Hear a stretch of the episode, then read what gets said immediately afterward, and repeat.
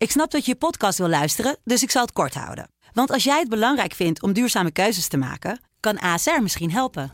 Nou hoor ik je denken, hoe dan? Nou, bijvoorbeeld bij het duurzaam herstellen van schade. Of de premies die we beleggen volgens ons duurzaam beleggingsbeleid. Dat bepaalt waar we wel en juist niet in investeren. Wil je meer weten over welke duurzame keuzes ASR maakt? Ga dan naar asr.nl slash duurzame keuzes. ASR doet het. Zo, dan kan je nu lekker naar je podcast luisteren. Dit is, dit is het land van Wierde. In Nederland D66, hè, die staan vooraan om met de vinger te wapperen naar uh, Poetin en te zeggen: oh, dit is Satan. Een podcast van de Telegraaf met analyses op het nieuws die u elders niet hoort. Wij zijn links, dus we hebben hè, de geschiedenis aan onze kant en we hebben gelijk en wij zijn moreel goed. In feite was het dus gewoon een soort advertentie voor nieuwe volkers van de Graafs, Volkert 2.0, om zich te melden. En dan kunnen ze eventueel, weet ik veel, wie gaan ombrengen. Met Wierde en Roel den Auto. Ja, Wiert, welkom. Je bent weer helemaal gezond. Ja. Want vorige week klonk je echt die was een soort krassende oude knar, hè? Ja, toen was ik uh, even uh, ontspoord. maar ja, jij bent ontspoord in uh, Maastricht, ik ben, begrijp totaal, ik. Ja, ik ga elk jaar op, naar carnaval ja, met, met mijn zoons. Naar carnaval en dat is echt fantastisch. Maar oh. ik heb meteen even het nieuwe woke taalgebruik daar uitgeprobeerd. Oh, heel goed. Want daar staan natuurlijk altijd hele mooie vrouwen bij. die zijn ook fantastisch gesminkt altijd. En toen heb ik tegen een mevrouw gezegd... Dag vriendelijke vrouw van middelbare leeftijd. Want dat mag namelijk volgens het in het nieuwe Roald Daalboek mag je niet meer zeggen lekker wijf of aantrekkelijke vrouw. maar dan moet je zeggen een vriendelijke vrouw van middelbare leeftijd. En dat nou, is dan een lekker ding, zeg maar. Ja, en die mevrouw die was hoogst beledigd. Die draaide zich om en die liep weg. Oh. Of, of ik gek geworden was. Oh, dus... Tenminste, zoiets. Ik versta Maastricht niet heel goed. Maar nee. uh, dat, uh, daar kwam het ieder geval mee.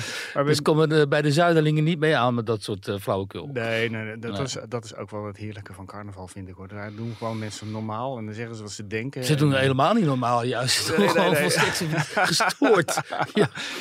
Ik geloof dat ik jou gewoon een keer mee ga nemen. Ja, nou... Naar Maastricht. Dan, we binden je gewoon vast ergens op het Vrijthof. Maar jij hebt je wel vermaakt, uh, ik vind, ja, ik, ja. ik vind het heerlijk om uh, één dag per jaar even lekker, lekker lijp te doen. Ja, ik zag heel compromitterende foto's, dus die zullen maar niet online gooien, denk ik. Ja, ik had een prachtig opera kostuum aan. We gaan het over serieuze dingen hebben deze week. Uh, we, we, hebben de één jaar oorlog is deze week herdenken we. En dat eindigt uh, volgens iemand die het zou kunnen weten uh, met een bloedige strijd in de Krim. Mm. Um, we stellen de vraag of linkse mensen bereid zijn 15 jaar te gaan zitten om het klimaat te redden. We hebben het natuurlijk ook nog even over Shula Rijksman, de, de D66-wethouder uit Amsterdam. Die is opgestapt. Hoeveel wachtgeld gaat zij ontvangen? Dat is de kijkersvraag. Die, gaan oh. op het eind, uh, die ga ik op het eind beantwoorden. Dat en, weet ik helemaal niet. Nou, ik wel. Oh, we hebben het in de krant gehad. Okay. niet gelezen. Uh, wist jij overigens dat Belgen een onmenselijk en vernederend volk zijn? Dat vindt uh, Nee, maar dit, ze schijnen wel een afgrijzelijk uh, asielbeleid te voeren, geloof nou, ik. Precies, toch? Daar, daar gaat het over. Daar gaan we het straks ook over hebben. De Belgen ja. zijn natuurlijk zwaar verontwaardigd. Want het is natuurlijk ook wel best wel bizar dat, je, dat wij dat van. Uh, dat een rechter dat over Belgen zegt. En uh, we gaan het natuurlijk over uh, Roald Dahl hebben, over uh, de cancelpolitie. Alle boeken die worden aangepast in Engeland, gelukkig nog niet in Nederland, want er is een, een, een, een uitgever die, die de poot stijf houdt. Heel goed. En ik, hopelijk houdt hij dat vol. Maar laten we beginnen met de, de Krim, de oorlog in, uh, in Oekraïne. Мы делали все возможное, действительно все возможное для того, чтобы решить эту проблему мирными средствами. Это они развязали войну, а мы использовали силу и используем, чтобы ее остановить. Poetin uh, heeft zich deze week geroerd. Het stapverdrag opgezegd. Het, nou ja, Poetin heeft gisteren dus zijn State of the Nation, zoals je kunt, uh, of troonrede eigenlijk, uh, gehouden. Dat doet hij jaarlijks, behalve uh, vorig jaar, want toen was dus die invasie gaande. Dus we keken allemaal uit naar um, wat hij daar allemaal zou vertellen. En, um, en dat duurde allemaal al ellenlang. Nou. Dat, dat hield niet op. Nee. Je zag ook één voor één die mensen in het publiek daar, dat, al die lakeien daar, dat zag je één voor één in slaap vallen. Ik bleef in niezen trouwens. En, uh, Kijk, dan kun je wel denken dat ik gezond ben, maar dat valt toch nog best wel Nee, tegen. het en ehm, hier allemaal bacteriën. ja, allemaal eh. aerosolen Nou, ik, zou... ben, ik ben op carnaval geweest, dus ik ben niet meer. Ja, nou, als Maurice de Hond dit zou zien, dan zou hij eh, ons waarschuwen voor het enorme gevaar hier. eh. Eh, maar goed, dus Poetin die ging maar ging maar door. Dat was echt wel... Eh, en mensen vonden, eh, an- analisten, commentatoren, die vonden het allemaal niet zo interessant. Die dachten de herhaling verzetten. Hij zegt eigenlijk hetzelfde. En wat hij de hele tijd al zegt. Maar ik vond het eigenlijk wel interessant, omdat wat hier gebeurde is dat we zijn nu een jaar verder in die, eh, in die oorlog. En Rusland heeft overduidelijk het belangrijkste doel, namelijk gewoon inname van eh, Oekraïne, bezetting van eh, Kiev, het verwijderen van dat neonazi-regime, zoals zij dat noemen, van eh, Zelensky. Dat hebben ze niet gehaald. Hè. Dat bleek al in de eerste tijd van die eh, invasie, toen die op, dat oprukkende, die kolonne naar Kiev helemaal vast kwam Mm. te zitten. Ook de Donbass hebben ze nog steeds, dat oostelijke deel, wat rijk is aan grondstoffen overigens. Ook dat hebben ze nog steeds niet helemaal bezet. Dus eh, je had kunnen verwachten dat eh, Poetin zou zeggen van nou, dit loopt toch anders dan we, hè, dan we hadden gepland of gewild. En, eh, en misschien dat hij wel een deurtje had kunnen openzetten naar eventuele besprekingen of zo. Maar daar was geen sprake van. Nee, dat was de teleurstelling. Ja, wat juist opmerkelijk was, is dat hij volledig vasthield aan zijn eh, aanvankelijke doelstellingen. En dat hij dat hè, dus ehm, in zijn woorden dan eh, moet Oekraïne worden gedenazificeerd. En dat het neonazi-regime in zijn ogen moet dan worden afgezet. en Dat heeft hij alleen- weer herhaald. Ja, ja, dat zegt hij de hele tijd gisteren ook. En dan zegt hij daarbij dat er dus eh, de Russen geen oorlog voeren met het Oekraïnse volk, maar dat ze in tegendeel eh, daar komen of zijn gekomen om die Oekraïners te bevrijden dan van die putschisten. Dus dat eh, die junta daar van neonazies, Ja. die natuurlijk daar zijn neergezet door het Westen en met name de eh, Amerikanen. Dus het zei hij ook op de dag dat eh, Joe Biden Zelensky ontmoette daar in Kiev. Wat op zichzelf ook weer hoogst opmerkelijk was natuurlijk. Dat de Amerikaanse president naar een gebied gaat wat, wat oorlogsgebied wordt genoemd. Hoewel je kunt afvragen of Kiev nou per se oor- oorlogsgebied is. Maar goed, zo wordt het natuurlijk wel gepresenteerd. Inclusief de sirenes. Hè, toen ze daar ja, wat denk door jij? die- Was dat echt? Of? nou, nee, natuurlijk niet. Het was gewoon even in scène gezet om, lijkt mij, om te laten zien Ja, hoe eh, angst. enorm gevaarlijk Ja. eh, dat dan wel niet was. Want er was dus een CNN-correspondent ter plekke die zei: Ik heb de afgelopen vijf dagen, ben, ik ben nu, nu vijf dagen, ik heb niet één keer de sirenes gehoord. Ja. Maar nu Biden er is opeens wel. En eh, dat is ook wel weer hilarisch natuurlijk. Maar goed, Poetin die houdt dus. ehm, volledig vol aan de legitimatie, of volledig vast aan de legitimatie van deze eh, oorlog. En eh, hij breidde dat ook weer eens uit binnen een culturele context. Namelijk die militaire operatie is ook nodig om eh, Rusland te verdedigen als laatste bastion van het conservatisme. Eigenlijk komt het op neer. Ehm, tegen al die perverse en decadente invloeden vanuit het Westen. Want kijk, het Westen nou is daar, is pedofilie is gewoon legitiem. Het homohuwelijk bestaat daar en dat transgenderisme is ook allemaal vreselijk en zo. Dus dat Westen in zijn ogen is volstrekt decadent en pervers.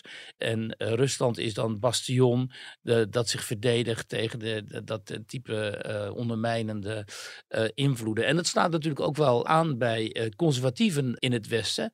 Dat zie je ook wel. Dat maakt het ook interessant. Want veel mensen vragen zich af van. vragen zich vaak af waarom zijn nou juist die, vooral die, die, die westerse linkse types zo enorm erop gebrand om Poetin te stoppen. Hè? De Duitse Groenen bijvoorbeeld.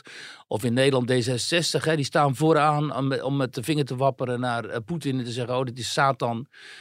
Dit is de duivel in persona en die moeten we stoppen. En dat heeft er ook mee te maken dat die Poetin zich heeft, opgeworpen als zeg maar de mondiale leider van de conservatieve beweging. Hè, waar dan ook in Nederland eh, mensen als Baudet en zo toe behoren. En in Frankrijk Le Pen en anderen en Trump.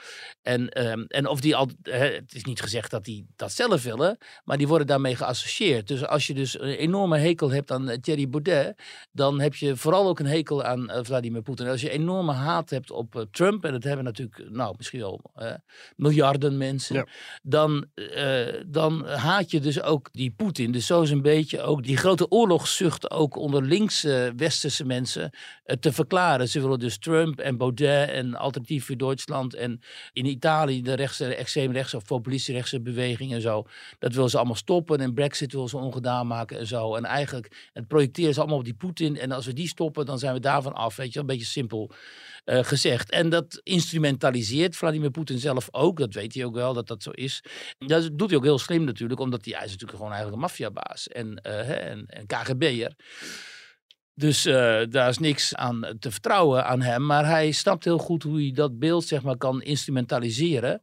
Hè, en heeft ook nog eens een keer van die types zoals die Dugin om zich heen en zo. Die daar een heel uh, ideologisch uh, panorama schetsen waar, waarbinnen dit dan allemaal zou passen. Als hij dat op die, die manier instrumentaliseert, dan kan hij ook in het Westen nog enige steun zoeken en dan ook vinden. Weet je wel? Nou, en dat deed hij dus gisteren ook weer in die, in die lezing. Of in die, in die speech. En daar bleef het eigenlijk bij, totdat hij dus zei van het moment, helemaal aan het eind, van uh, Rusland gaat zich niet meer aan dat startverdrag, uh, dat nieuwe ja. startverdrag houden. Dus het, dat, dat leggen we even op, op ijs. En dat betekent dat die kernwapenarsenalen van beide kanten, ja, dat die eigenlijk niet meer geïnspecteerd worden. Maar dat is toch een soort van betekenisloze opmerking.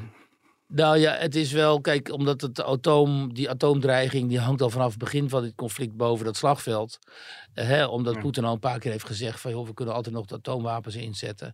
Dus is die, deze, uh, deze tijdelijke opschorting van het uh, startverdrag is inderdaad wel, heeft niet, niet zoveel betekenis in mijn ogen dan. Hoewel andere mensen daar dan wel meer betekenis aan hechten. Maar ik denk van ja, volgens de Duitse minister van Buitenlandse Zaken Beerbok, die, dat meisje of die jonge dame van de Groenen, zijn we letterlijk al in oorlog met uh, Rusland. Dat heeft ze zo gezegd, hè, waar ze dus heel veel kritiek op heeft gekregen. Maar die heeft dus gezegd van wij, wij zijn in oorlog met Rusland. En ook Mark Rutte zegt telkens, dit is onze oorlog, we moeten die winnen en zo. En dus ja, al die westerse politici, die uh, Zelensky en... Uh, en, en diens, zeg maar, medestanders in Oekraïne steunen ja, die beschouwen zichzelf al uh, als zijnde in uh, oorlog met, uh, met Rusland. Gelukkig houdt dus Joe Biden notabene, die toch al heel erg oud is en wankelt ter been en zo, van wie je af en toe denkt van, ja. heeft hij ze allemaal wel op een rijtje. Die houdt nog wel het hoofd koel. Iets koeler dan bijvoorbeeld, nou ook wel Nederlandse politici. En die maakt steeds wel nadrukkelijk duidelijk, ja luister eens, wij zijn, bepaalde grenzen gaan we niet over. En heeft in Polen, hij was in Polen, heeft hij ook nog even een keer gezegd van ja, we zijn in ieder geval niet in oorlog met het Russische volk. En als uh, Poetin zich terugtrekt militair uit de Oekraïne, stopt de oorlog.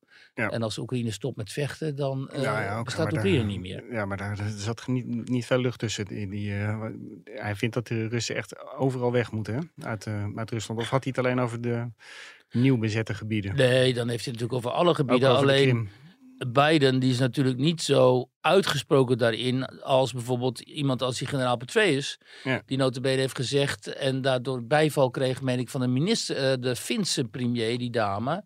Toen hij zei van we moeten maar eens kijken of we niet alvast de Krim kunnen gaan aanvallen. Hè? Uh, ja, en dan, dat is natuurlijk wel, uh, ik zal even opzoeken wat hij nou precies uh, zei. Nou, daar zitten ze natuurlijk al, al redelijk dichtbij, die uh, Oekraïners. Nou ja, ze, hebben nog, ze, hebben, ze hebben daar nog maar een paar kleinere aanvalletjes gedaan, hè, op de Krim, tenminste waar we van horen. Ja, af en toe hebben we zo'n raket inderdaad in de lucht gekomen. Op de pers, op de, de, dat was meen ik daar in München, op die veiligheidsconferentie, had je dus hier natuurlijk de onvermijdelijke en Applebaum weer, die, die, die die, echtgenoten van Radek Sikorski, dat zijn allemaal haviken, hè? dit neocons, zeg maar, zo heet dat. Hè? Uh, en, uh, dus, en Applebaum, en die zat dan met die generaal Petraeus, die we allemaal nog kennen uit de Irak-oorlog. Of was er uit Joegoslavië in ieder geval. We kennen hem, hij was destijds Irak. bevelhebber ja. van de Amerikaanse troep in Europa, meen ik. En die hebben dus opgeroepen om de Krim aan te vallen.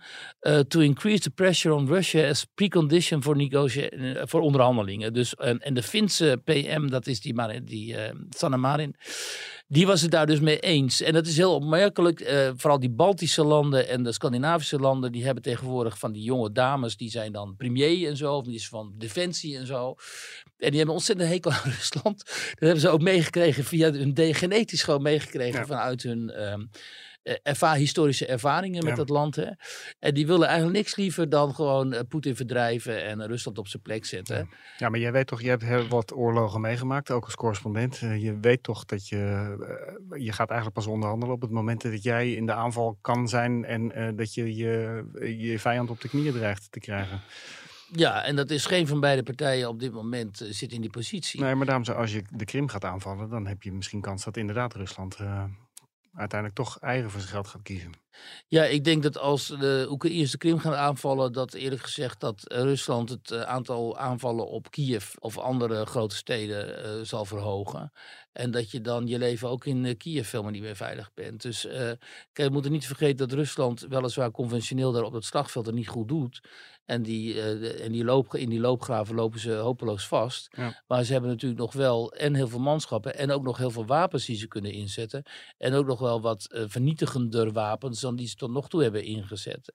We zitten nu eenmaal in die dynamiek. En wij mogen als eenvoudige Nederlandse burgers ons hart vasthouden dat dit uh, niet zodanig escaleert dat de Russen op een gegeven moment uh, Rotterdam of Antwerpen in, uh, in het oog gaan nemen.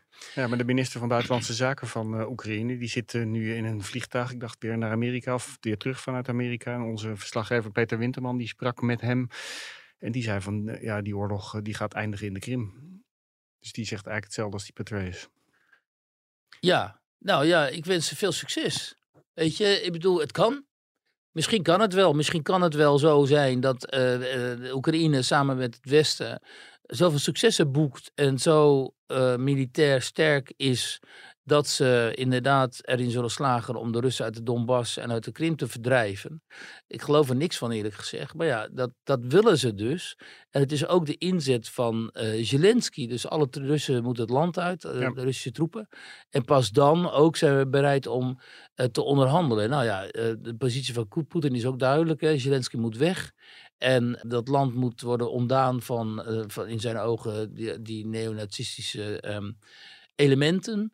En pas dan is er ruimte tot onderhandelingen. Dus uh, als ik dit zo hoor, dan zijn we behoorlijk nog uh, voor een lange tijd in de aap gelogeerd. Ja, of er zou een regime change moeten komen. Hè? Nou, daar geloof jij ook uh, niet in. Dan wordt het misschien alleen maar erger. In, want als ik, ik zag die toespraak van Poetin en als ik dan zag hoe die hele zaal woest en wild begon te klappen toen hij riep van ja, en in, in het Westen is kinderprostitutie legaal ja. en kinderporno. En ja.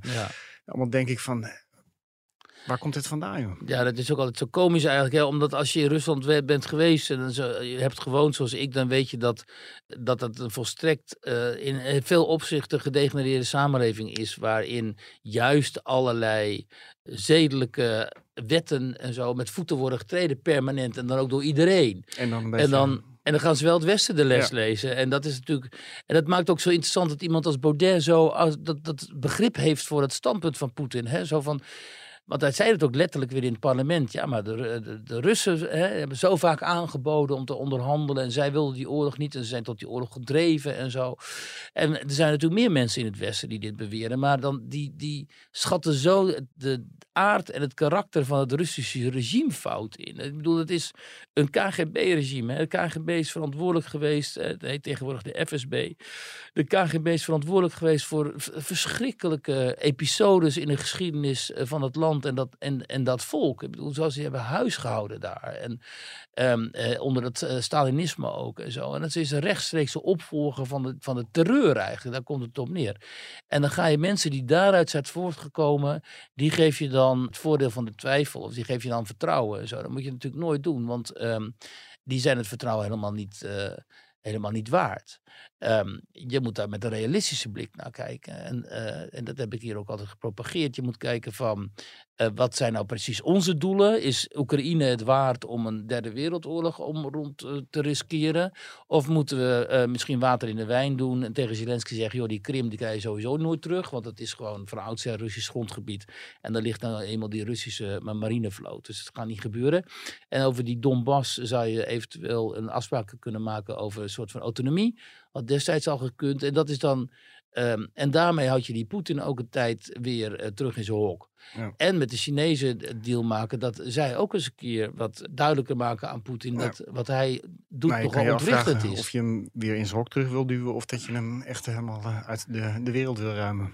Nou ja, dus als je Poetin weg wilt hebben en regime change wil plegen, zoals het Westen dus inderdaad wel vaak ja. wil, hè, we, we, we, hebben, daar moeten ook niet de ogen voor sluiten, dat de Verenigde Staten zo vaak dus uh, regime change heeft geforceerd en telkens van een koude kermis is weggekomen. Is vaak mislukt, ja. Is nou ja, in Irak is het natuurlijk ja. volledig mislukt. In uh, Libië, Gaddafi was een slot op de deur naar Europa. Gaddafi was weg en prompt uh, kwamen daar allemaal mensen via Libië naar Europa. En wij zitten altijd, om weer eens in de um, in, in de metafoor te blijven, met die gebakken peren. Want die Ja. vluchtelingen die komen allemaal naar ons. Die komen echt niet naar de Verenigde Staten hoor. Het duurt even voordat je kennelijk begrijpt, ook als journalist en zo, wat voor cowboys die Amerikanen toch altijd Ja. weer blijken te zijn. En dan, net zoals dat, kijk, wij zeggen, ja, die Russen zijn stapelgek. Die, die, die vallen daar een buurland binnen en zo. En dan zitten met de ogen te kijken van, wat is dit voor 19e eeuws of hè, begin 20e eeuws gedoe. Ja. Ja, die Amerikanen doen natuurlijk precies hetzelfde. Maar was dat nou cowboygedrag van Biden door daar in Kiev op straat te, te verschijnen en van tevoren tegen die Russen te zeggen, eh, ik ga op bezoek? Ja, hij heeft het wel, ze hebben het wel aangekondigd, hè? Ja, ja, ja. Om even, ja. vond ik- iedereen vond het zo moedig, maar ze hebben het gewoon aangekondigd. Nou ja, maar, dat, maar misschien is dat juist nog moediger. Ja, eh, maar dan kun je zeggen, kijk, je kondigt het aan, doen die Russen dan iets? Dan Ja. kun je altijd zeggen van, ja, kijk wat een terreurregime dit is. Hè? Ze schieten onze president uit de lucht. Dus ja, het is eh, in ieder geval heel interessant dat ze doen. Nee, het was geen cowboygedrag. Dit is, die- hiermee laat eh, Biden zien dat dus Oekraïne, voor de Amerikanen althans, van enorm geostrategisch belang is om Rusland in te dammen en eh, Poetin klein te krijgen en Rusland als eh, voor een deel zeg maar te onthoofden ook, hè? want dat is die Brzezinski-doctrine. Rusland met Oekraïne en Belarus, maar vooral met Oekraïne is een imperium en zonder Oekraïne is het gewoon een regionale, Ja. eh, regionale macht. Nou, daar houden ze zich aan. En eh, ook, dat gaat natuurlijk ook om die grondstoffen daar in het Donbass, die we allemaal graag eh, hebben. Die willen zowel de Russen graag als, als wij, Europa en de Amerikanen ook. En dus dat is om, om dat duidelijk te maken aan Poetin. En ook aan de Chinezen, denk ik. Om de Chinezen duidelijk te maken. Kijk eens, als jullie ooit zouden ehm, eh, willen proberen om iets met Taiwan te doen. eh, kijk hoe resoluut wij zijn in onze steun voor onze bondgenoten. In dit geval Oekraïne en in dat geval is het dan Taiwan. Ehm, en wij zullen dan ook Taiwan steunen, eh, zoals we nu Zelensky steunen. Ja, Amerika kan natuurlijk nooit op die twee schaakborden tegelijk spelen. Daarom komt het hen nu zo goed uit om, ook, om nu alvast afscheid te kunnen nemen van Poetin. Dus om nu alvast Poetin een kopje kleiner te maken en die militaire macht van Rusland ernstig te verzwakken, omdat zij weten, hè, dat is ook, eh, ook al vaker gezegd hier, eh, dat is ook hun doctrine, we kunnen niet op twee fronten oorlog voeren. We zijn niet meer in staat om zowel China als eh, Rusland te containen militair. Dus komt het hen nu heel goed uit dat ze nog geen openlijk conflict hebben met China. Wel met Rusland en nu alvast afrekenen met Rusland. Dat hopen ze dan. Hè? Dat is zoals die mensen als die Petraeus en zo letterlijk zeggen. En dan eh, zijn ze later in ieder geval in staat om China het hoofd te bieden. Omdat Rusland dan eh, er- ergens gewond in een hoek ligt. Ja. Dus in die zin komt dat dit Amerikaanse politici van, van een bepaalde snit en een militair-industrieel complex zoals het heet, komt het allemaal heel goed uit. En ze verkopen ook nog eens een keer die LNG-gas aan ons peperduur, eh, waardoor die bedrijven ook nog eens een keer eh, extra binnenlopen. Ja. Je zou ook kunnen zeggen dat dat wel heel cynisch gedacht is. Eh, nou, strijden maar de is zo. Dit is gewoon realistisch. Rusland, eh, Amerika komt op voor de, de vrije Oekraïners. Nou ja, zo wordt het gebracht. En zo, in, in, zo pakt het ook uit. Althans, eh, eh, Amerika en wij, Europa, komen op voor eh, die Oekraïners die zeggen dat zij democratie en vrijheid nastreven. Ja. Maar als je dan kijkt naar het track record van Zelensky bijvoorbeeld. Hè, voordat die oorlog begon was hij, zijn populariteit heel laag. Corruptie was endemisch. Dus dat, dat hele eh, project van hem om corruptie aan te pakken, dat mislukte. Hij ziet zelf, werd hij genoemd in die Panama Papers, heeft hij allemaal van die offshore belangen daar. Eh, dus hij is zelf ook behoorlijk daarop binnengelopen. En hij heeft allerlei media en dergelijke verboden. Dus uh, pleegt ook censuur. En nog onlangs heeft hij dus allerlei mensen moeten ontslaan binnen zijn apparaat, omdat die zo corrupt waren. Dus, ja. Nou ja, eh, dat, dat doet hij dan in ieder geval nog wel. Hè? Ook Juist. natuurlijk zijn aanvra- aanvraag bij de EU loopt. Hij wil Ja. natuurlijk ook even een goede sier maken. ja, precies. Hij Ik weet moet niet welke ook- telefoon daar Ja, ik eh, denk die van is mij. Hij moet natuurlijk ook goede sier maken. Eh, maar ook daarin moeten we natuurlijk realistisch zijn. Het is natuurlijk belachelijk om, zoals wij nu doen, te zeggen dat Oekraïne opeens een soort rolmodel voor ons is. Hè? Als een soort eh, voor, voor vrijheid en democra- democratie strijdende roldemocratie. Dat is natuurlijk helemaal niet het geval. Maar we moeten hem wel steunen. dat voor lijfsbehoud vecht. En dat is natuurlijk wel heel bewonderenswaardig. Ja, dat, ik weet niet of Nederland dat zou doen als eh, hier de Belgen binnen zouden komen. nou niet op die manier inderdaad. Dat is zeker zo. Nee. Maar we moeten Ik denk gewoon... dat wij meteen in de polder een, een, een overeenkomst zouden gaan sluiten. ja, soms is dat misschien ook wel verstandiger. Maar we moeten natuurlijk heel duidelijk in perspectief zien met eh, wie we hier nu eh, precies te maken hebben. En ons ook goed realiseren wat dit nou betekent op de lange duur als laatste dan. Voor ons Europese continent. Omdat de verhoudingen met, de, met Rusland zijn natuurlijk gewoon kapot. Uh, die zijn voor uh, misschien wel een hele generatie gewoon uh, naar de knoppen. We gaan een Oekraïne binnenhalen met alle problemen van dien. Binnen de Europese Unie en binnen, binnen de NAVO. Kijk, voor de NAVO is het goed, want die hebben dan een heel groot leger erbij. Dat heeft aangetoond goed te kunnen vechten. Dus dat is voor de NAVO prima. Ja. Voor de Europese Unie is de vraag van, ja, wat, wat hebben we er nou precies aan? Maar ja, al dat soort overwegingen kun je, als je daar niet een soort moralistisch sausje overheen gooit, zijn dit eigenlijk gewoon de feiten. En uh, op basis daarvan kun je je positie bepalen, denk ik. En dan kun je al, altijd nog zeggen van, goh, wat zijn ze dapper en wat vechten ze hard voor. In ja. ieder geval hun land en, en, en hun manier van leven. Hebben nu één jaar e- Oekraïne-oorlog. Het uh, adrenalinegehalte in de hele wereld blijft voorlopig nog heel erg hoog. Ja. En, uh, wat ik hier in Nederland ook constateer, dat onder uh, links en progressieve mensen het adrenalinegehalte ook flink aan het stijgen was. Toen er een, een bijeenkomst werd belegd in de, in de Zwijger over klimaatgeweld. Een moreel beraad over het klimaat. En dat is een bijeenkomst die. daar is heel wat over te doen geweest. Nou ja, omdat de vraag werd opgeroepen, of de, het was de bedoeling dat op die bijeenkomst in uh, Pakhuizen Zwijger uh, gesproken zou, zou worden over de vraag of het gebruiken van geweld tegen zaken, zeg maar, ja. dus tegen, hoe heet hoe noemen we dat ook weer? Nee, ja, tegen, nee niet bedrijf, oh. maar uh, dingen. Um, nou, hoe noemen we dat ook weer? Maar ook tegen personen. Dus ook, ook gericht op personen. Of dat legitiem zou zijn. Dus het kwam erop neer dat de vraag zou worden behandeld, filosofisch dan, volgens de organisatie. Is het gerechtvaardigd om op een gegeven moment geweld te gebruiken? Um, voor een beter klimaat. Voor een beter klimaat. Uh, en dat, dat betekent dan ook dus om mensen, politici en anderen die dan een klimaatbeleid in de weg zouden staan, om tegen hen dus geweld te gebruiken. Nou ja, dat, staat, dat gaat natuurlijk alle perken te buiten, omdat we leven in een democratische rechtsstaat. En als je dit soort uh, vragen oproept, alleen al door de vraag op te roepen, stel je in zelf, in, jezelf in principe buiten die rechtsstaat. En uh, ga je dus pleiten voor. Um, uh, eigen richting. Daar komt het op neer. Je kan dit ook organiseren om uh, uh, het antwoord nee te formuleren. Ja, alleen zo zag het er niet uit. En uh, in ieder geval. Nee, toen... er werd zelfs gezegd: zijn we bereid drie tot vijftien jaar te gaan zitten voor een beter klimaat? Ja. Dat, was gewoon. En vijftien jaar zitten voor een beter klimaat, dat betekent dat je iemand moet ombrengen. Ja, en dan ben je dus gewoon Volkert. Dus in principe dan, werd hij dus gewoon. Volkert van de Graaf. Ja. ja, in feite was het dus gewoon een soort advertentie voor nieuwe Volkert van de Graafs, Volkert 2.0, ja. om zich te melden. En dan kunnen ze eventueel, weet ik veel, wie gaan omleggen. Ja, nou kan je zeggen, je kan die tekst ook een beetje prikkelend maken zodat mensen daarheen komen. De, de, de, de publiciteit die kwam er in ieder geval. Ja, ongetwijfeld was het ook zo, zo uh, min of meer bedoeld.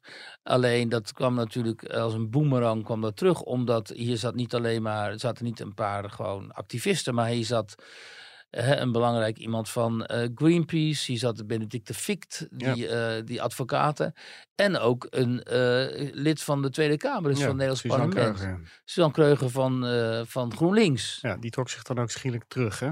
Nou, toen er dus ophef ontstond, ja. trok zij zich terug. Alleen, wie schetst onze, nou niet verbazing, maar eerder bevestiging van wat we al wel dachten. Dat toen onze collega's Mike Muller en Marcel Vink gisteren even gingen graven. En toen bleek dat zij wel degelijk op de hoogte was van het feit dat ook geweld ter sprake zou komen. En dat zij notabene kennelijk tegen de organisatie had gezegd dat ze dat wel een spannende vraag vond. Ja, spannend, ja. Ja, en uh, ik geloof dat ze nog steeds niet uit de fracties gegooid in Jesse Klaver. Dus wij wachten nu met, nou ja, met, we nemen dit wel een dag eerder op, moet ik zeggen. Hè? Een dag eerder dan, dan dat we de podcast publiceren. Dus misschien is hij op donderdag is al wel uit de fractie gegooid. Maar op het moment dat we dit opnemen nog niet. En dat is toch wel verbazend, omdat ja, ze heeft dus kennelijk gelogen. Want ze zei eerst aanvankelijk dat ze niet wist dat die uh, geweldsaspecten sprake zou komen. En vervolgens heeft ze kennelijk gezegd dat ze dat best wel spannend vond om daar eens over te gaan praten. Of we niet gewoon iemand in elkaar moeten slaan of moeten omleggen vanwege dat het klimaat zo belangrijk ja. is om gered te worden. Ja, om het klima klimaat gaat ontstaan, om het nog maar eventjes te slechte grap te maken. Maar dat mensen geweld gaan normaal gaan vinden, dat is natuurlijk heel. Uh, dit is een hele glijdende schaal wat er nu uh, aan de hand is. Nou ja, dit komt dus niet van niks uit de beweging, uit de partij van die op dit gebied een heel ernstige track record heeft. Hè, van die Wijnand Duivendak, die destijds openlijk heeft moeten toegeven dat, die, dat er geweld is gebruikt tegenover ambtenaren, meen ik, van ministerie die eh, die geïntimideerd werden. Nou, die Duivendak, de Telegraaf destijds heeft dat destijds uitgezocht. Die werd toen geassocieerd met RARA. Nou, dat was gewoon een hele bedenkelijke club. Ja. Gewoon een terreurclub eigenlijk. Nou, Volkert van der Graaf natuurlijk. Die komt uit deze beweging, milieubeweging. We hebben ook eh, nog Sam gehad. Ik weet niet wie dat nog kan Ja, herinneren. Dat is heel lang geleden. Die had in ja. een trainingskamp in Zuid-Jemen misschien gezeten. Dat ja, precies. ik weet niet Eh, of dat nou uiteindelijk ooit bewezen is geweest. Maar die is uiteindelijk, die zit nu weer in de Staten in Drenthe trouwens. Ja, nou ja, en, en eh, Van der Graaf die werd natuurlijk, toen hij werd opgepakt, heeft ook een GroenLinks eh, bestuurder, heeft eventueel eh, bewijsmateriaal eh, destijds, een wethouder was hij toen die vent, of, of wethouder meen ik zelf, heeft hij toen getipt om dat te- te laten verdwijnen, zodat hij Van der Graaf kennelijk niet nog al te zeer eh, geïncrimineerd zou worden. Dus eh, er zit altijd, eh, toen Jesse Klaver, die was destijds, meen ik, voorzitter van de jongerenbeweging van GroenLinks. En toen is er in dat kantoor zijn spullen gevonden voor waarmee een bom kon worden gemaakt. Kon worden gemaakt. Nou ja, dus de, de, de, de neiging binnen deze beweging, waar ook de vroegere communisten natuurlijk deel van uitmaken. De, om te denken dat eh, geweld als politiek middel mag worden ingezet, ja, Ja. die is natuurlijk best wel groot. Ja. En dat zie je ook Ja, het is weer een lange, zo'n- lange linkse traditie. Hè? Je had eh, de oude anarchisten vroeger. Ik heb eh, die boeken gelezen van Emma Goldman, die anarchiste uit Amerika. Die, die een Russische vrouw die naar Amerika was gegaan en daar dacht de revolutie te kunnen prediken. Ja, Die heeft uiteindelijk allemaal afstand genomen, maar wel een hoop leed en ellende veroorzaakt door al dit soort bewegingen te steunen. Ja, extreem links is natuurlijk gewoon eh, gewelddadig. Antifa ook gewelddadig. Extreem rechts is natuurlijk ook gewelddadig. Alleen extreem rechts, is geloof ik op deze manier, zo nu, eh, niet vertegenwoordigd eh, in het Nederlandse parlement. Hoewel mensen zullen zeggen dat Forum voor Democratie dat dan is. Maar als Forum voor Democratie, als leden van Forum Democratie zouden zijn aanwezig geweest, althans zich hadden aangemeld voor een gesprek over eventueel gebruik van geweld eh, in het integratie- of eh, Ja. immigratiedebat, dan was de dan was de wereld- ophef natuurlijk ja, enorm dan was de wereld te klein geweest. Dan was de wereld te klein geweest. Er waren alle talkshows die hadden dat behandeld. Daar waren de grote artikelen verschenen. Er was de vraag, had zich aangediend, moet deze partij niet worden verboden? Maar nu het GroenLinks betreft, is het toch behoorlijk eh, rustig. Maar dat eh. is natuurlijk ook het irritante. Dit gebeurt vanuit een soort moreel superioriteitsgevoel. Van ja, het gaat over het klimaat dus mag het. en dus mag het. En wij zijn links, dus we hebben, Ja. hè, de, we hebben de- gelijk. de- we hebben de geschiedenis aan onze kant en we hebben gelijk en wij zijn moreel goed. En ehm, eh, dankzij dat misverstand kunnen dit soort dingen allemaal maar gebeuren en worden ze ook getolereerd en is de ophef gewoon nooit groot genoeg. En dat, dat meten met twee maten is natuurlijk vreselijk onrechtvaardig en irritant. En daarom eh, eh, roept het ook aan de rechterkant of conservatieve kant van de, van de samenleving zo ontzettend veel weerzin op. Omdat zo overduidelijk is hoe je met eh, twee maten eh, wordt gemeten. Ja, dit zijn de, wat zijn dit voor mensen? Daar Ja, gaat het dan eh, Ja. opeens over. Ja. Ja. ja.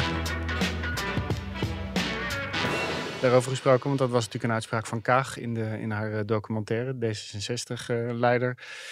Shula Rijksman was toen eh, NPO-baas en eh, die, eh, had, die, die vond het allemaal prima. De NPO-documentaire over Kaag, waar een hele hoop ophef over geweest is. Waarin die uitspraak ook gedaan werd. wie zijn dit soort mensen op de achterbank hè, van de auto? Ehm Shula Rijksman is toen doorgeschoven. Die heeft een mooie baan gekregen als wethouder in, in Amsterdam. Want die mevrouw was volgens eh, D66-leider eh Reinier Danzig een powerhouse. En die zou het helemaal, helemaal gaan maken in Amsterdam. En acht maanden later, ja, is zij dus eh, gewoon volledig mislukt en heeft zij zelf het initiatief genomen kennelijk om eh, op te stappen. dat vind ik wel goed trouwens. Ja, maar daar is natuurlijk ook wel enige druk eh, op haar uitgeoefend, Ja, neem ik aan. Dat En gaan we nooit horen, denk om- ik. Om te erkennen van dat het toch eh, ni- niet zo goed gaat. Eh, maar ja, ze konden er dus helemaal niks van. En het was ook duidelijk, eh, als je dan af en toe eens keek naar die debatten en zo in die gemeenteraad. dan zag je hoe zij daar schutterde, geen kennis had van de materie, door haar ambtenaren moest worden ingefluisterd. stukken voor, tekst voorlas die haar ambtenaren haar hadden gegeven en zo. En dan denk je natuurlijk wel, "God, zo, die vrouw is echt totaal niet op haar plek. Dat, dat zogenaamde powerhouse. En daarin zie je dus ehm, het netwerk corruptie eigenlijk, daar komt het op neer. Dus Ja. gewoon omdat zij dus bij die NPO zat, de baas Ja. was, heeft zij dan zo'n in- ingewikkeld dossier als zorg en andere eh, Ja. zaken. Onze collega Wouter de Winter had nog eventjes teruggezocht waarom ze nou precies eh, benoemd was. En een van de redenen was, ja, het is een, het is een vrouw en ze, is, eh, ze woont samen met een vrouw of ze is lesbisch. Ja, dat waren hele belangrijke redenen geweest om haar die baan te geven. Ja. Als je het over netwerkcorruptie hebt, dan denk ik, ja, dit heeft natuurlijk gewoon alles te maken. Uh, dit heeft alleen maar te maken met haar D66-lidmaatschap. Bij die artikelen staan ook altijd tegenwoordig de suggesties van wat is er eerder over dit onderwerp verschenen. Mm En dat is in het kader van wat wisten we acht maanden geleden en nu best interessant om nog eens terug te lezen. En dan kwam ik uh, bijvoorbeeld bij de motivatie uit vanuit uh, partijleider uh, Reinier van Danzig op het moment dat hij haar voor die plek had uitgekozen. Namelijk dat hij haar had uitgekozen omdat zij bestuurlijke ervaring en haar grote netwerk had.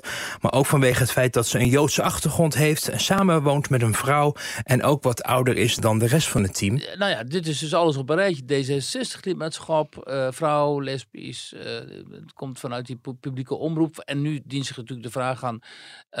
Hoe heeft zij godsnaam destijds bij die publieke omroep dan die baan kunnen krijgen... en zo machtig kunnen worden.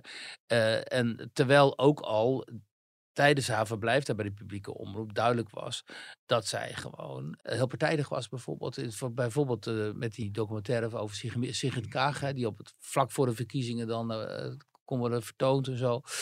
Uh, en zo gaat het dus in Nederland. Dus in Nederland is wat dat betreft gewoon een uh, bananenmonarchie uh, geworden. Vroeger was dat gewoon de PvdA die heel veel van dat soort baantjes in hun eigen systeem doorschoof. Ja. maar nou, de vraag dient zich aan hoe, hoe het kan dat. Uh, Roelof Bouwman die wierp die vraag ook op op Twitter. Hoe kan het dat zo'n in, inmiddels grote partij als D66 zoveel zwakke bestuurders uh, voortbrengt? En dat, dat, dat het ook allemaal maar gedoogd wordt en zo. En dan, ja, dan kom je toch met, uh, in de situatie waarin ons kent ons elkaar de hand boven het hoofd ja. houdt. Totdat het dus gewoon op een gegeven moment echt niet meer kan. Nee. En dan krijg je dus zo'n geval, zo'n casus van Jules Rijksman.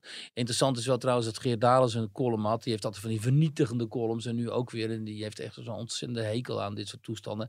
Waarin hij ook AT5 en het Parool helemaal fileert als de, hè, de lokale pers in Amsterdam. Die het totaal hebben laten liggen in, in, deze kwestie. Want die hebben helemaal niks aan ja, kritisch echt, over Jules Rijksman ja, geschreven. Onze Marijn Schrijver, onze stadsverslaggever, die, uh, die heeft. Uh, dat is een van die begon eigenlijk met die verhalen over dat, ze, dat het een chaos was in die vergaderingen. Dat ze voorgelezen moest worden wat ze moest gaan zeggen. Ja. ja, en dan af en toe van Annabel Manninga via 21, die gooit er weer een video ja, online waar het dan blijkt. Ja, ja, ja. ja, maar dat echt, eh, daar is, wij zijn daar heel kritisch op geweest en terecht natuurlijk. Ja, dan kijk je maar, even Parool en AT5, die, uh, die kwamen soms dagen later met een soort van beschouwend verhaal. Ja, dat, ja ze was nog maar net begonnen natuurlijk. Ja, ja, ja een beetje ze moesten, verdedigen. Ze moesten ja. tijd hebben om zich te kunnen... Ja. Uh, te, D66 Powerhouse moet zich nog een beetje inlezen. Wat denk jij over, want die vraag die wierp ik op. Ze gaat natuurlijk wachtgeld krijgen. Ja, dat schijnt, dat ze zelf ontslag heeft genomen. Ja. Zij heeft recht op twee jaar wachtgeld, maximaal. En dat levert uh, op 200.000 euro. Oh, nou. Tenminste, dat uh, heel fijn. schreven wij vanmorgen in de krant. Nou, dan kan ze mooi even een tijdje van op vakantie. Ja.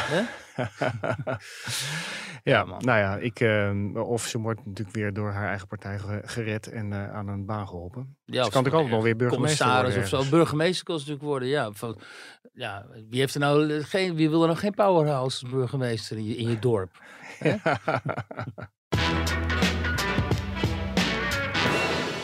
Oké, nou een, andere ontzettende boosmaker uh, vond ik uh, vandaag was uh, dat er een rechter in Nederland heeft besloten dat een Chinese asielzoeker die mag niet teruggestuurd worden naar België, waar die oorspronkelijk asiel ja. had aangevraagd. En volgens die Schengenregels, volgens de Dublin-regels heet dat geloof ik hè.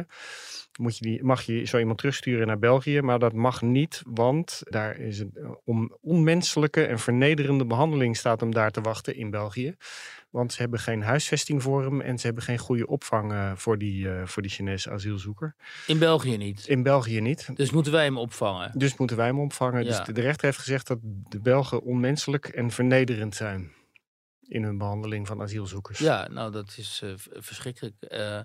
en um, dat is dus een Chinees die asiel heeft aangevraagd in België. In België. En toen daar kennelijk naar Nederland is doorgereisd. is naar, uh, naar uh, ja, voor ja. Chinezen is dat ook een afstand van niks. En nu willen wij hem uitzetten. Nou, voor ons is het ook een afstand van niks hoor. Nou, wij, in Nederland werd er gezegd van uh, volgens de regels moet je asielaanvraag behandelen en uit, uitbehandelen in het land waar je eerst bent binnengekomen. Tuurlijk. Dat was kennelijk België. Dat is, en dat is natuurlijk ook volgens die Dublin-regels. Ja. Moet dat ook, alleen en, het gebeurt dus helemaal niet meer nee. tegenwoordig. Want uh, omdat sinds Angela Merkel die Dublin-verdragen gewoon buiten werking heeft gesteld, uh, gebeurt dat niet eigenlijk. Maar ik dacht dat dat eigenlijk alleen gold eigenlijk voor dat we vooral problemen hebben met Griekenland en met Italië en dat soort landen die dan asielzoekers zo snel mogelijk doorduwen richting onze, onze kant. Maar het gaat dus kennelijk ook over België. En als een rechter dan gaat zeggen dat Nederland dat België mensen zo onmenselijk behandelt, dan ja, wat, waar, waar ligt de grens dan? Hè? Want uh, dan uh, hebben wij waarschijnlijk, wij behandelen asielzoekers kennelijk als beste in Europa. Nou nee, wel... want bij ons liggen ze toch ook buiten op straat te slapen in Ter Apel. Maar ja, het, het laat dus zien hoe stuk dit hele systeem is natuurlijk. Als een rechter ervoor gaat liggen. Want wij hebben natuurlijk de discussie over. We moeten asielzoekers terugsturen inderdaad naar het land waar ze zijn binnengekomen. En moeten illegale asielzoekers terugsturen naar het land waar ze vandaan komen. Bijvoorbeeld illegale Marokkanen van de burgers net in Marokko geweest. Ja. om daarover te praten. Ja, daar hebben we het nog niet eens over gehad, hè? maar dat, dat, daar zat er wel een paar addertjes onder het ja. gras met die uh, overeenkomst die heel... Uh... Ja, dat, ja, en dat lukt dus helemaal niet. Dus, ehm, en als er ook nog eens een keer een rechter ervoor gaat liggen, ja, dan ben je dus uitgepraat. En die rechters die zijn vaak enorm activistisch tegenwoordig, zie je ook in die agenda-kwestie en zo. Die stellen zich gewoon vaak uh, op het standpunt van de activisten die dan een ja. proces beginnen tegen de staat bijvoorbeeld. Uh, en dan, uh, ja, dan is de Nederlandse burger is natuurlijk gewoon weer de klos. Want die kijkt zo eens als Chinees, dat geloof ik wel. Maar als dit bij, bij bosjes gaat. Nou, sterker nog, vorig jaar was er ook een Rus die eigenlijk uitgewezen moest worden. Maar die mocht van de Nederlandse rechter niet het land uitgezet worden, ons land uitgezet worden, omdat hij cannabis gebruikte. En uh, dan zou die terug worden uitgezet naar een land waar cannabis uh, verboden is. En dat was nodig voor de behandeling van, uh, van zijn ziekte, volgens de rechter.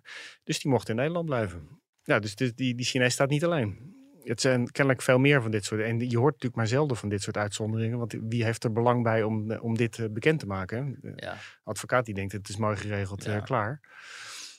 Maar waar gaat dit eindigen? Want uh, zo komt natuurlijk de hele, hele, de hele groepgemeente komt, uh, naar, naar ons land toe. Want uh, maar dit is toch wel heel lang Ik bedoel, al die mensen die hier hun procedures rekken en rekken en rekken. Ja. Dat is allemaal omdat die asieladvocaten hem zeggen van... joh, hier is een geitenpaadje, hier is een geitenpaadje. Doe dit, doe dat. En vervolgens zitten ze hier zo lang. En dan mogen ze niet meer worden weggestuurd, want dan zitten ze hier al zo lang. Dus het is gewoon... Dit hele systeem is gewoon kapot. En daarom moet er ook eens een keer gewoon uh, partijen aan de macht komen die wel iets gaan doen aan dit systeem. En bereid zijn ook om Europese verdragen bijvoorbeeld, uh, om daar afscheid van te nemen. Of van het totaal verouderde vluchtelingenverdrag bijvoorbeeld. Zodat er echt iets gedaan kan gaan worden. Hè? En, uh, en tot nog toe gebeurt het gewoon niet. En is dit gewoon de standaard praktijk. Daar word je hier niet heel erg moedeloos van? Ja, daar ben ik natuurlijk al jaren ben ik hier heel erg moedeloos van. En op de duur word je daar heel erg cynisch door. van. Ja. Ja, cynisch. ja, ja. ja want we, we, we, geven bijvoorbeeld asielzoekers, uh, en terecht natuurlijk, als, je ze, als ze door de procedure gegaan, zijn gegaan, geef je ze een huis en je geeft ze een uitkering. Ja. Maar dat zijn natuurlijk straks allemaal redenen voor een rechter. Ja, die uitkering krijgt hij niet in Italië, die krijgt hij niet in Frankrijk, die krijgt hij, daar krijg je een soort van daggeld. Ja. Die krijgt er sowieso geen huis. Dus alles wat die, ik neem aan dat dit een enorme aanzuigende werking kan gaan hebben. Maar dat heeft natuurlijk al, omdat die asielzoekers komen niet voor niks hier naartoe. Die, weet, die weten gewoon dat je in Nederland uh, van alles gratis krijgt. En daarom willen ze ook naar Nederland toe. Ja, nee, dus, jij, uh, jij, bent de zoon van een dominee. Je hebt ja. toch vroeger wel geleerd dat we barmhartig moeten zijn, uh, Weert? Ja, je moet ook barmhartig zijn voor je eigen mensen. Hè? En, en ook voor die mensen die al decennia lang vaak hebben betaald aan al die sociale voorzieningen. En hebben meebetaald aan die verzorgingsstaat en de inrichting daarvan. En die dus ook recht hebben op de arrangementen van die verzorgingsstaat. En, en, en niet allerlei mensen die hier maar binnenkomen nog nooit hebben bijgedragen. En vervolgens binnen, binnen dat vangnet uh, gaan vallen en daar gebruik van kunnen maken. Terwijl andere mensen bijvoorbeeld voor hun eigen kinderen geen woning meer kunnen vinden. Dat, dat is natuurlijk het probleem hier. Je laat mensen profiteren van de uitgebreide arrangementen van de Nederlandse verzorgingsstaat, waar we met z'n allen voor betalen en die we met z'n allen hebben opgetuigd als beschaafd land om de zwakkeren en de eigen zwakkeren en kwetsbaren te steunen. Vervolgens komen er allemaal mensen binnen die ongetwijfeld ook kwetsbaar en zwak zijn. En die, die mogen dan aanspraak maken op diezelfde arrangementen waar ze nooit voor hebben meebetaald bijvoorbeeld. Dat is gewoon niet te rechtvaardigen en dat kun je niet dat kun je, de gemiddelde burger niet uitleggen. Nee, dit is niet houdbaar, zou je zeggen. En het is niet houdbaar. Ja, maar aan de andere kant blijft het nog steeds nou ja, goed dus tussen of, aanhalingstekens gaan. Maar dat is ook, dat is dus altijd het punt hier. Als je een immigratieland wil zijn, zonder hekken, zoals Sigrid Kaag dat wil en D66, dan moet je afscheid nemen van die verzorgingsstaat. Dan moet je zeggen, oké, dan breken we die af.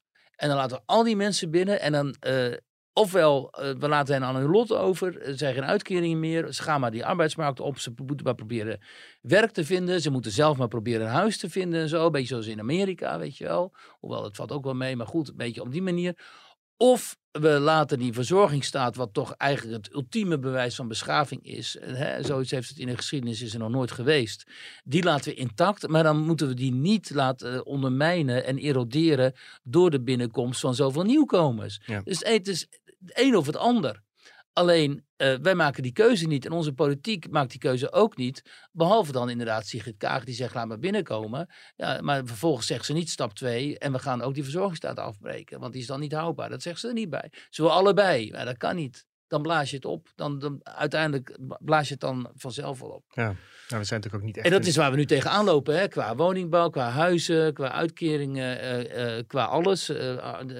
lopen we dus nu Ja. tegen de Ja, er grenzen wordt, maar van er die... wordt altijd geroepen, we zijn een immigratieland, maar dat zijn we natuurlijk eigenlijk helemaal niet. Hè? Er zijn natuurlijk heel veel groepen vertrokken uit Nederland en af en toe kwam er eens een groep bij, de Hugenoten toen. Eh, er zijn dus wat Spanjaarden blijven hangen, er zijn dus wat Belgen, die hebben zich afgescheiden zelfs.